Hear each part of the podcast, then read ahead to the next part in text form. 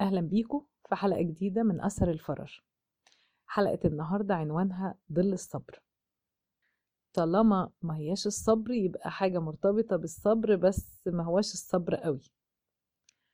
آه طبعا كلنا عارفين ومؤمنين بأنه الصبر مفتاح الفرج وإن فعلا في مواقف كتيرة جدا في حياتنا فعلا الصبر آه بيكون حلها.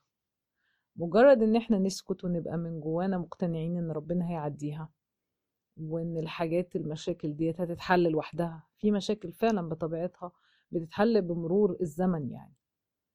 لكن في مواضيع وفي مواقف الصبر عليها أو إن الواحد يسيبها بتتعقد أكتر. والحقيقة مجتمعاتنا مليانة بنماذج الناس فاهمة الصبر غلط. هو شكل الصبر كده هو ظل الصبر زي ما نقصد لكن ما هوش فعلا الصبر. آه زي إيه؟ عندنا من أشهر الأمثلة الأم اللي للأسف الشديد اثرت في تربية ابنها. طبعا يعني قلة التربية أو أو التنشئة السيئة ما تبانش دايما في الطفل الصغير لكن لكن بتبتدي تبان بمجرد ما بيشد حيله ويكبر بالذات في مرحلة المراهقة وبعدين يطلع في الجامعة وبعدين يتخرج من الجامعة وبعدين نلاقي الشوارع زي ما إحنا شايفين مليانة الحمد لله بالأشكال الضالة يعني.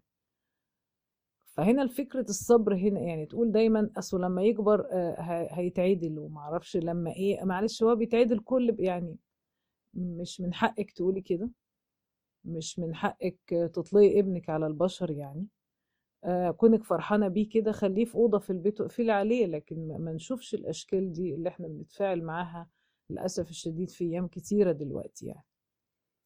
آه ده هنا مش صبر ده انت هنا اشتريتي دماغك. انت تحت عنوان أصل الزمن هيعدله. زمن إيه اللي هيعدله؟ ما هو انت هتسألي أساسا عن ده.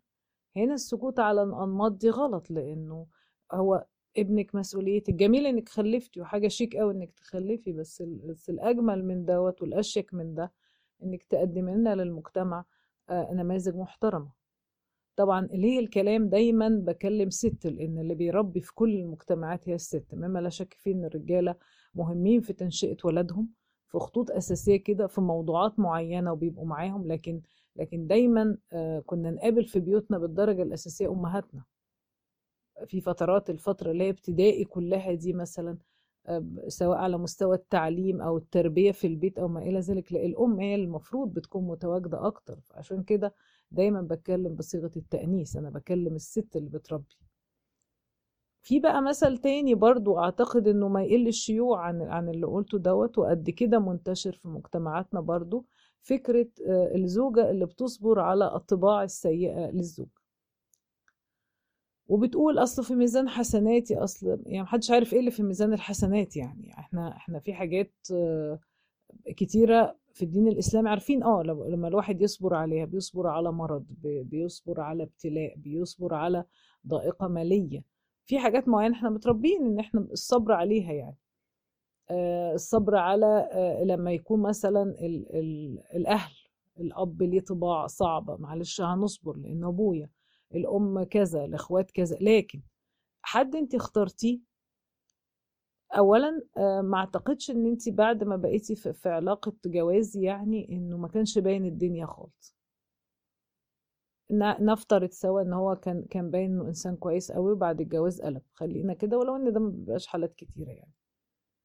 من أول ما ابتدى يحصل تدني في مستوى التفاعل بينك وبينه من أول ما ابتدى يبقى في تجاوزات أخلاقية في الكلام هي الفكرة معلش أنا عديتها مرة واتنين وتلاتة ما هو في حاجات بتتعدى وفي حاجات ما تتعداش وتحت التعدية دي بنقول أصلا أنا صبر عليه. لا أنت مش صبر عليه أنت غالبا بتهربي من المواجهة. وغالبا الحقيقة لما بنشوف المشكلات المرتبطة بالجواز بيبقى بقالهم سنين طويلة وتقول إن هو أصله من زمان وهو كده. هو مش عارفة أنت فرحانة ولا إن هو من زمان كده. طب وأنت وانت ليه متحملة إن النمط ده يبقى موجود قدامك؟ حد يقول لي طب هنعمل إيه؟ هنتطلق من الأول؟ لأ طبعا لأ طبعا. بس في حاجات في كتير جدا مراحل ما بين إن إحنا نقبل الإهانة وإن إحنا ننفصل. ليه ما بنشوفش إلا الفئتين دول؟ يا إما أقبل الإهانة وأبقى موجودة يا إما انفصل. الاتنين خسارة. بس في محطات كتيرة جدا ما بين الاتنين. في طرق كتيرة إنه لأ مش هينفع نتعامل كده. إنه إنه نسحب امتيازات بشكل معين. إن إحنا نعمل عقوبات كتيرة. ممكن عقوبات أشكالها كتيرة إنسانية واجتماعية ومادية حاجات كتيرة جدا. ممكن تتعمل كأنها نوع من أنواع التربية كده من تحت لتحت يعني. فلازم نبص إنه إنه الست اللي بتصبر على الطبع السيء ده لأ ده مش صبر على فكرة. أنت شايفاه صبر علشان ما أنتيش عايزة تواجهي وبتقولي أصل كله في ميزان حسناتي لأنك هتسألي. في يوم هتسألي انت ليه رضيتي بالإهانة وفضلتي؟ ليه ليه ولادك يشوفوكي بتتهاني؟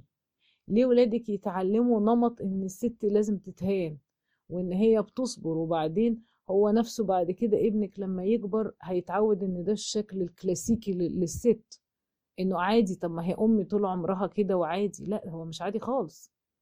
بس ده بس انت طول الوقت مشكلة إن التأثير السلبي اللي بتعمليه مش بس على علاقتك بجوزك لأ ده, ده برضو بتقدمي نماذج سيئة لولادك.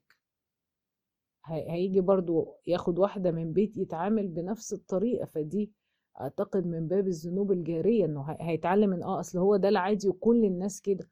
لأ ربنا خلق الناس بكرامة. تطلب الأشياء بعزة الأنفس يعني مفيش حاجة اسمها كده. في حاجة اسمها علاقة أهم حاجة يسودها الود والاحترام زي ما ربنا قال. المشاعر بتيجي بعد كده لكن لا يمكن المشاعر ما تجيش بعد ود واحترام.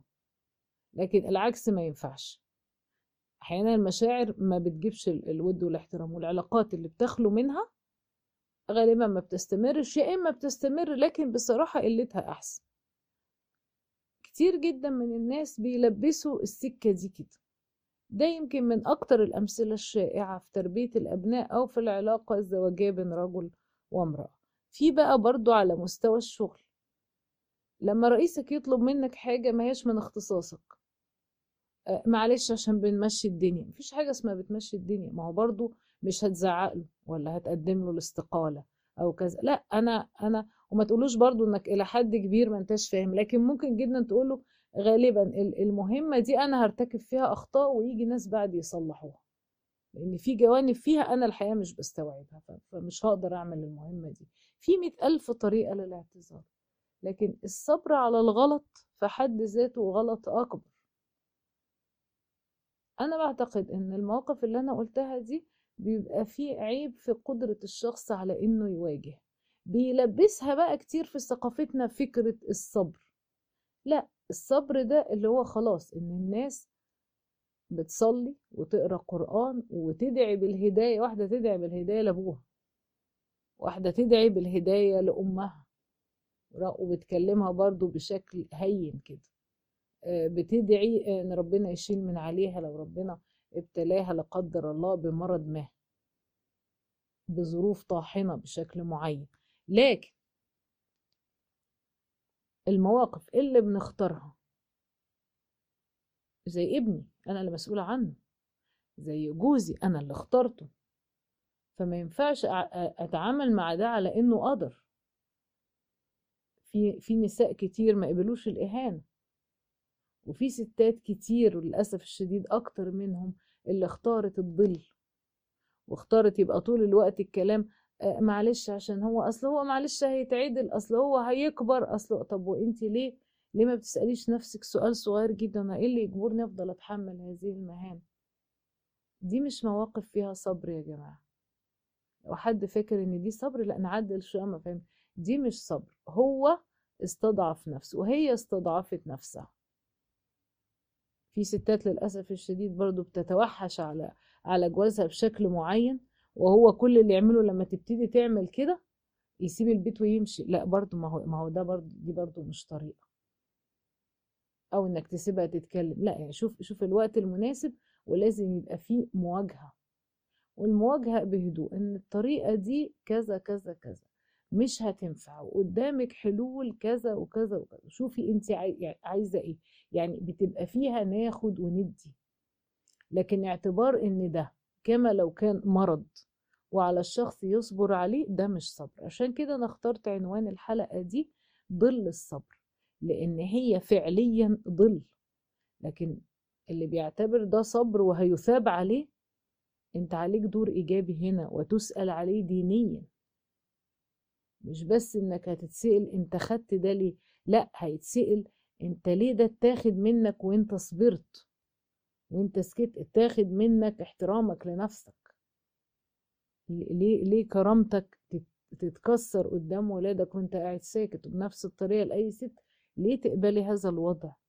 دي الحقيقة من أكتر المواقف اللي أنا شايفاها. خوف الناس من المواجهة. هيبقى آخرها إيه؟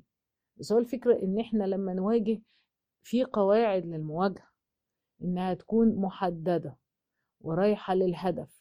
وما تقعدش تفتكر الحاجات اللي حصلت سنة 85 ما خلاص اللي عدى عدى يعني.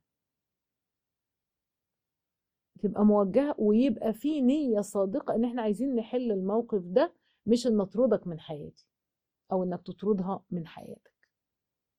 بالمنطق ده إحنا كده بنواجه. غير كده المواقف الرهيبة بقى الصادمة القدرية مية في المية دي لأ ملهاش حل غير فعلا الصبر عليها. ده كان مضمون حلقتي النهاردة من أثر الفرج